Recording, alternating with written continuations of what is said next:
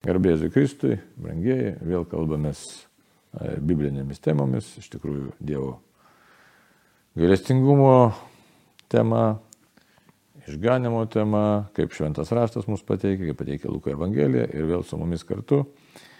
Teologijos, švento rašto, klasikinių kaldubų magistras e, kunigas Linas Šipavičius.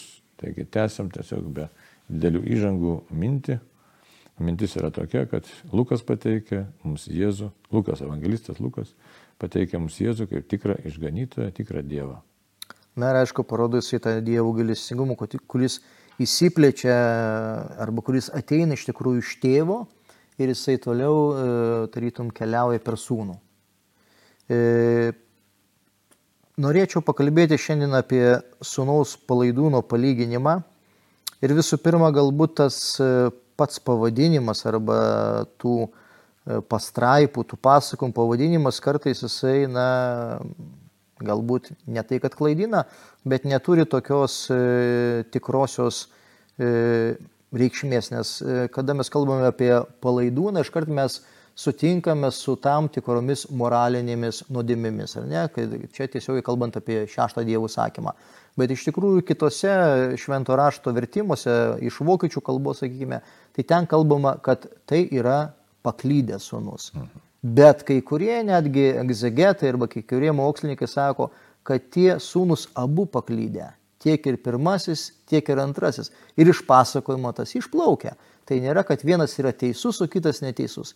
Jie abu yra e, savo gyvenimuose pasiklydę. Jie abu yra savo gyvenimuose na, padarė ar vieną ar tai kitą klaidą. Ir pradedant kalbėti apie Luko Evangelijos šitą pasakojimą, Luko Evangelijos yra 15 skyrius nuo 11 eilutės iki 32, tai yra iš tikrųjų jau atkeliavęs iš na, tos žodinės tradicijos. Ir toksai yra vokiečių teologas Jochimas Jeremijas, kuris, na, tais laikais jisai labai buvo žymus teologas, jisai viename iš komentarų rašo, kad tai buvo du atskiri pasakojimai. E, Lukas paėmė vieną pasakojimą atskirą apie sūnų ir paėmė kitą pasakojimą apie sūnų. Bet čia reikėtų patikslinti, kada buvo tie pasakojimai, kur jie buvo. Tie pasakojimai gyvavo būtent e, žydų tradicijoje, rabinistinėje tradicijoje, kada, na, jau gyveno krikščionys, galbūt ir Jėzaus laikų krikščionys, sakykime, Ir paskui, kada pradėta formuoti tą Evangeliją, na tai Lukas jau turėjo tam tikrą medžiagą, tam tikrą pasakojimą ir jisai juos abu sujungia ir jisai išplėtoja iš to naują teologiją. Naują teologiją apie tėvą, kuris yra gailestingas ir apie tą gailestingumo teologiją, ką mes, ką mes turime e, būtent. Tai iš vienos pusės iš tikrųjų parodomas, kad tas literatūrinis žanras tų sunų jisai jau yra labai senas. Bet Lukas tarytum naujai skaito. Bet tai čia Jėzaus žodžiai. Tai taip, čia Jėzus pasakojimas, e, bet, bet Lukas iš tikrųjų įkomponuoja į savo Evangeliją. Ir, ir dėl to, tarkime, na, tas, tas toksai yra, aišku, Jeremija savo, kad antiek yra išdirbtas tas tekstas, kad mums yra labai sunku paimti ir atskirti kur yra, kur yra e, vieno sūnaus istorija, kur yra kitos sūnaus istorija, galbūt e, taip mechaniškai yra sudėtinga, bet tačiau mes galime tai pastebėti. Ir Lukas pradeda pasakojimą apie, apie šios du sūnus. Tai tada žvelgiame na, į tą jau patį pasakojimą, tik aišku, gal būtų, būtų gerai ir pasižiūrėti, labai svarbus yra adresatas adresatas berots yra e, taip, taip, taip. Pabandome į Luko Evangelijos 15 skyriaus e, pirmą eilutę, kuri kalba taip. Prie, prie jo artinosi vis, prie Jėzaus artinosi visi muitininkai ir nusidėlė jo klausytis. E, fariziejai ir rašto žinovai murmėjo šitas priima nusidėlius ir valgo su jais. O Jėzus pasakė jiems šitą palyginimą. Tai va štai e, tas palyginimų seka Luko Evangelijos 15 skyriaus, jisai yra tarytum atsakas e, į tuos žmonės, kurie, kurie būtent, na, prieš Jėzų murmėjo, kad jisai bendrauja su įvairiais nusidėjėliais. Tai čia būtų toks iš tikrųjų na, labai aiškus mums pabrėžimas, toks pa- parodymas, kam Jėzus kalbėjo, ne? su kuo kalbėjo. Prieš savo oponentus, prieš fariziejus, kurie laikėsi tiesiogiai tokio, nu, striktę e, žydiškų tradicijų, žydiškų, sakykime, na, įstatymų, kad, sakykime, su tais nusidėjėliais arba su nais negalėtų bendrauti, nes tu esi, na, tikinti žmogus ir tu ten susiterši ir, ir visą. Ir mes matom, kad čia pateikiama Evangelija pagal Luką visa seka palyginimo. Ne? Eina.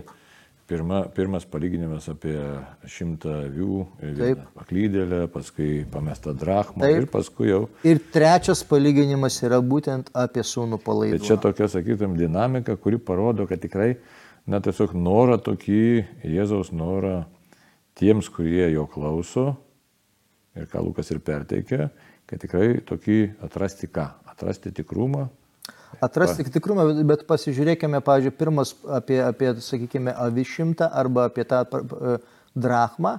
Tai visų pirma parodo, kad Dievas yra tas, kuris ieško žmogaus, ar ne? taip, Tai yra vat, pirmas žingsnelis. O antras žingsnelis dabar sunus palaidūnas, ar ne? Kad i- ir šitoje vietoje, ar ne, vis tik tėvas ieško. Tėvas laukia. Ir To- koks, ir koks jis yra rūpestingas, nepalieka nevilti. Tai mes turėtume kalbėti apie viltį ir tas gailestingumas jis tiesiogiai susijęs su viltimi. Taip. Nu, tai ką tada žvelgiam toliau? Skaitome 11 eilutę. Palyginimo pradžia e, Jėzus sako, žmogus vienas turėjo du sūnus.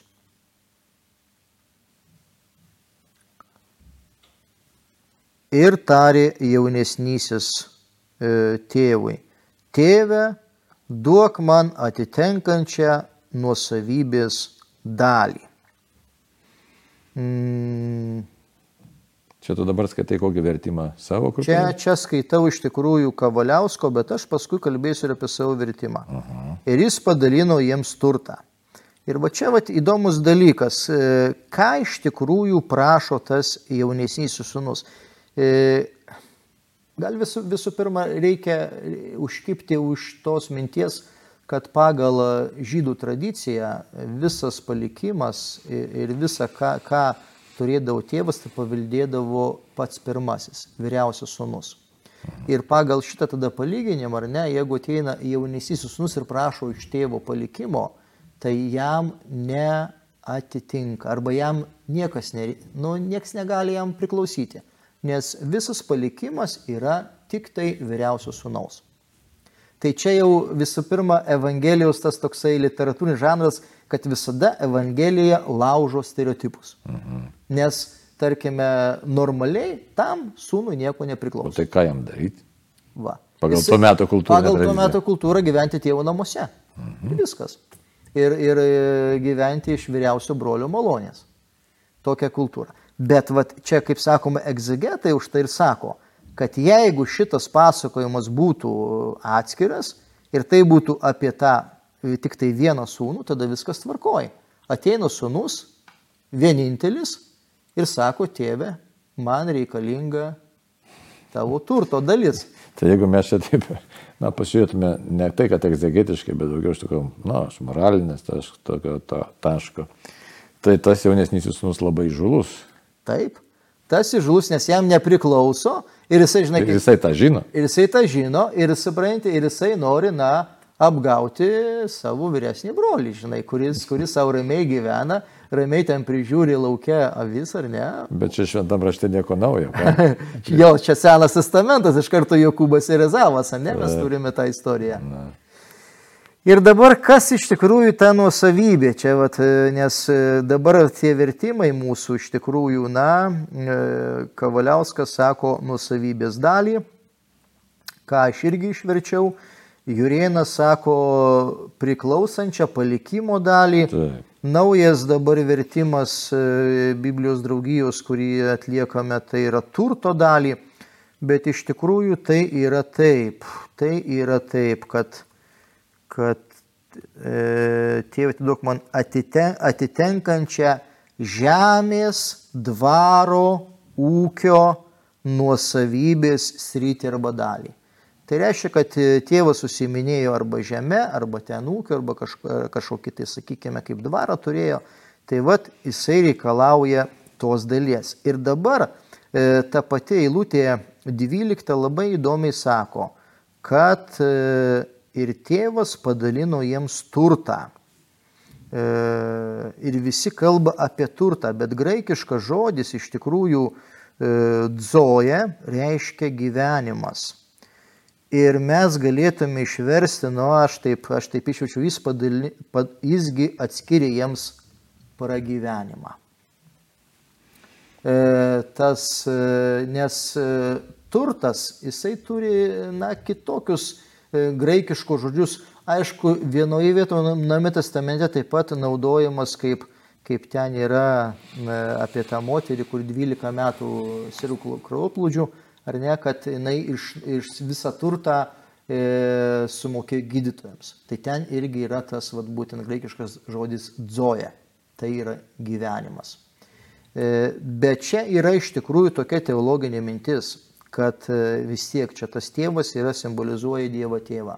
Mhm. Ir kada žmogus ateina, sako, aš jau noriu nuo tavęs kažkur tai nueiti, tai tarytum aš atskiriu nuo tavęs gyvenimą ir tada be Dievo tas gyvenimas iš, iš tikrųjų nėra nu, tas pilnas ir nėra prasmingas. Aišku, čia aš žiūrint tokią nu, teologišką ar moralinę prasme, tai labai įdomus tekstas, nes uh, Jeigu žiūrint iš to, kaip jau pradėjo aiškinti, tą egzegetinį tokį aiškinimą, kaip čia pavadinti, kad toks įžulumas ateit pas, kas ir vyksta realiai pasaulyje, ateiti pas Dievą ir sakyti, atiduok, kas man priklauso, kai kito tarpu mes Dievui negalime pareikšti jokių pretenzijų. Nu, Na, gerai, dalykas, bet žiūrim toliau tekstą. Jisai, nori, jisai nori, kaip sakoma, nu, taip teisybė sakant, nieko bendro neturėti, jisai, jisai nori gyventi atskirai, ne? Viskas. Jisai nutraukia visus ryšius, jisai ten pasima tam tikrą dalį, žinai, ir jisai išeina. Ir dabar žiūrime 13 eilutę. Po nedaugelio dienų viską susirinkęs jaunesnysis sunus iškeliavo į tolimą šalį ir ten palaidai gyvendamas išeikvojo savo nuosavybę. Ir tas vad žodis palaidai gyvendamas, jisai man irgi labai nedavė tokios ramybės, nes e, ir Jurienas, ir Kavaliauskas rašo, kad tai palaidai. Štai dabar mūsų naujas vertimas Biblijos draugijos rašo, e, ten išeikvojo savo turtą švaistūniškai gyvendamas. Na ir dabar, dabar iš tikrųjų, e, ką kalba graikiškas tekstas. Graikiškas tekstas mums kalba, kad tai nėra palai, tas toksai seksualinis tai yra neatsargiai, neracionaliai arba laisvai.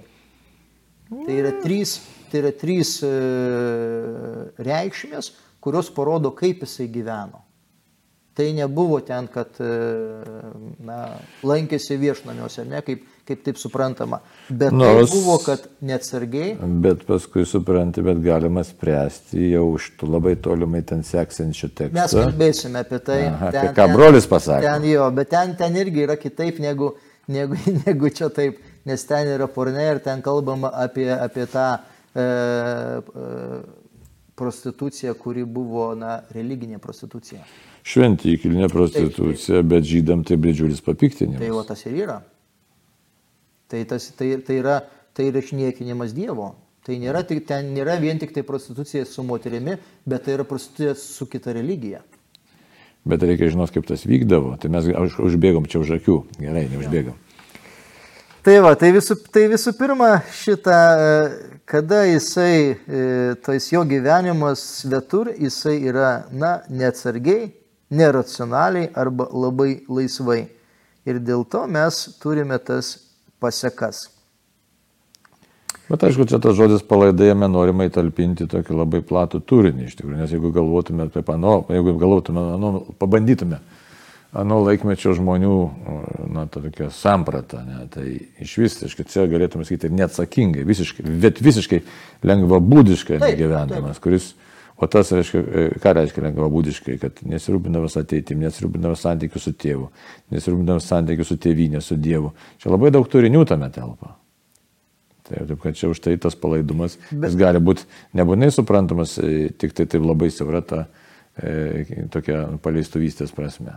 Bet Biblijoje aš pastebiu, kad kartais, na, tie vat, žodis, e, vienas jisai po savim slepia daugiau reikšmių ir, ir, ir vertėtų gal versti tokiu, nu, kartais platesniu žodžiu, kad, kad po jo tilptų ir tas, ir tas, ir tas, ir tas. Kai kuris atvejais, pažiūrėjau, laisvai, aš išvečiu laisvai, tai tu gali suprasti, na, žinai, kaip sakoma, kairį dešinę, e, netaupydamas, e, ne, ne kažką tai nežiūrėdamas. Bet vis tiek tas pasakymas mums pateikia ką tokį bredimą to žmogaus, sakykime, į tokią baisę tamsumą, į baisę klaikumą. Dabar kodėl, reiktų irgi e, paaiškinti ir klausytėms, ir savo patiems, nes žiūrint švento rašto bendrą kontekstą, ypač Seną testamentą, ne, tai išeiti iš tėvo namų, tai kas tai yra? Tai yra nepagalvojama. Tai... Bet tai iš vis kažkas tokio. Tai yra baisu. Dabar prisiminkime vieną Naboto vynogyną, kai jis atsisako parduoti paveldą, nes kodėl tai, kaip įstatymas reglamentavo, sakysim, ten jubilėjinių metų, viską sugražink, nes tai yra Dievo duotybė. Taip. Tai va reiktų irgi pabrėžti galbūt tą elementą. Tai ką Lukas nori parodyti, tokį pateikdamas mums palyginimą. Na, Lukas nori parodyti, kad e, netgi ir jeigu e, įvyktų tai, kas yra neįmanoma, ne? Nes jis iš tikrųjų čia piešia tą dievų gailestingumą, kad ir ten visi sulaužomi stereotipai, visi sulaužomi įstatymai, bet jeigu tas e, nusidėlis sunus grįžta pas tėvą, jam viskas yra atleidžiama. Bet aišku, turi būti tie atsivertimo žingsniai, apie kuriuos mes kalbėsime. Ir štai 14 eilutė. Jam, jam viską išleidus, smarkus badas kilo toje šalyje ir jis pradėjo stokoti. Ne, pirmas, pirmas toksai na, momentas, e, tarkime, pragyvenimo. Ne? Nuėjęs jis prisimetė prie vieno tos šalies piliečio, tas jį pasiuntė savo laukus keulių ganyti. Na ir iš tikrųjų mes puikiai žinome, kad e, žydams tai yra neprimtas dalykas, nes žydai e, keulę laiko nešvarių gyvulių, dėl to e, valgyti keulių negali, dėl to yra žeminantis dalykas keulės ganyti. Tai jau yra toksai pirmas nuopolio e, žingsnis, kad jisai netgi pasiduoda pagoniškame krašte, kaip mes galvojame, ar nes jis iškeliauja į svetimą šalį, pagoniškame krašte, jisai pasiduoda pagoniškom e, tiems veiksmams, jisai pradeda ganyti keulės. Pamena iš tikrųjų savo įsitikinimus, pamena savo tradiciją, pamena savo religiją. Ir tai, kai žinot, kaip stipriai pamena, dabar žiūrėk, prisimint vėl Seną testamentą, ne, kai buvo tie verčiami jaunuoliai valgyti keulės mėsą. Pas Danielių. Taip, jie, jie atsisakė iki mirties. Nu, jūs įmetė į liūto duobę. Ir tai, va, taip, kad tai tiesiog gyvybės nu, pasirinkimas, jis toks taip, taip. radikalus apsisprendimas. Taip, taip. Na ir jis geidė, ir, ir toliau kas vyksta, ir jis geidė pripildyti savo pilvą žiogmedžio ankščių, kurie sėdi keulis, bet niekas jam nedavė. E, arba ankščių jovalo, bet tas vat, e, žiogmedžio ankštys, tai kurias valgė keulis. Tai pasižiūrėkime dar, kas baisiau. Negana to, kad jisai ganė keulės, bet jisai puolė dar giliau. Jisai norėjo netgi valgyti keulių maistą, bet ir tai jam niekas nedavė. Tai čia jau kaip sakoma, dugnas. Dugnas, kurį pasiekė jau ir daugiau jau negalima e, eiti. Ir tada po šito, sakykime, na jau nuopolio giliausio, po truputėlį ateina jo atsivertimas. Ir štai dabar, kaip e, mums autoriai, vertėjai sako, atsitokėjęs arba susiprotėjęs arba tada susimastė Pažodinis vertimas būtų į save gėtėjęs. O, kaip įdomu. Jo, aš, aš taip išverčiau. A. Į save gėtėjęs. Sugrįžęs, negalėtume atsakyti. Jo, sugrįžęs. Jo, sugrįžęs į save. A. nesako atsitokėk ar ne, va sugrįžk į save. E, Į savegi atėjęs Čia, tarė. atsiprašau, čia labai, mums, mūsų laikmečių labai reikalingas dalykas. Dabar daug psichologija kalba apie tapatybę, ne, tai tapatybės suradimas. Tai čia galėtume sakyti, kad čia atitinka, atra, Būtent. pajutęs savo tapatybės poreikį, gal taip galėtume interpretuoti, ne? Kiekgi samdinių tėvo mano turi perteklių duonų, o ašgi badu čia žūsto. Čia yra toksai pažodinis vertimas, bet jisai, na, parodo vis dėlto, na, čia irgi tas hebrajiška mąstysena, nes hebrajiška mąstysena Savo testamento visą laiką sugrįžti atgal, ar ne? Kas, kas va buvo. Ir jisai, va, kada jau jam labai yra blogai, jisai prisimena savo tėvo namus, jisai prisimena vat, visą tą gyvenimą. Ir jisai galvoja apie, apie samdinius, apie tos, kurie tenai na, yra žemiausiomis sluoksnėse, ne? kad jie iš tikrųjų na, nebadavo, turėjo perteklių duonos. O aš čia sako, žūstu iš bado. Taigi primenu, mes kalbam iš tikrųjų apie Dievo galestingumą Luko Evangelijoje, pasakymas apie sūnų palaidūną. Ir tiesiog ta tokia analizė padeda po truputį giliau suvokti Dievo gailestingumą, Dievo ne bet kokio, ne primityvų, ne tokį paprastą gailestingumą, bet kaip tikrai Dievo mylinčio ir besirūpinančio žmogumi žvilgsnį į žmogų. Tai, va, tai dabar padarykime pertraukėlę. Pertraukėlę ta prasme, kad stop šį kartą šiai laidelį ir tęsim toliau atsivertimo, sunaus atsivertimo istoriją jau sekančioje laidoje. Tai ačiū visiems, ačiū gerbiamam Linui ir tam kartui sudė.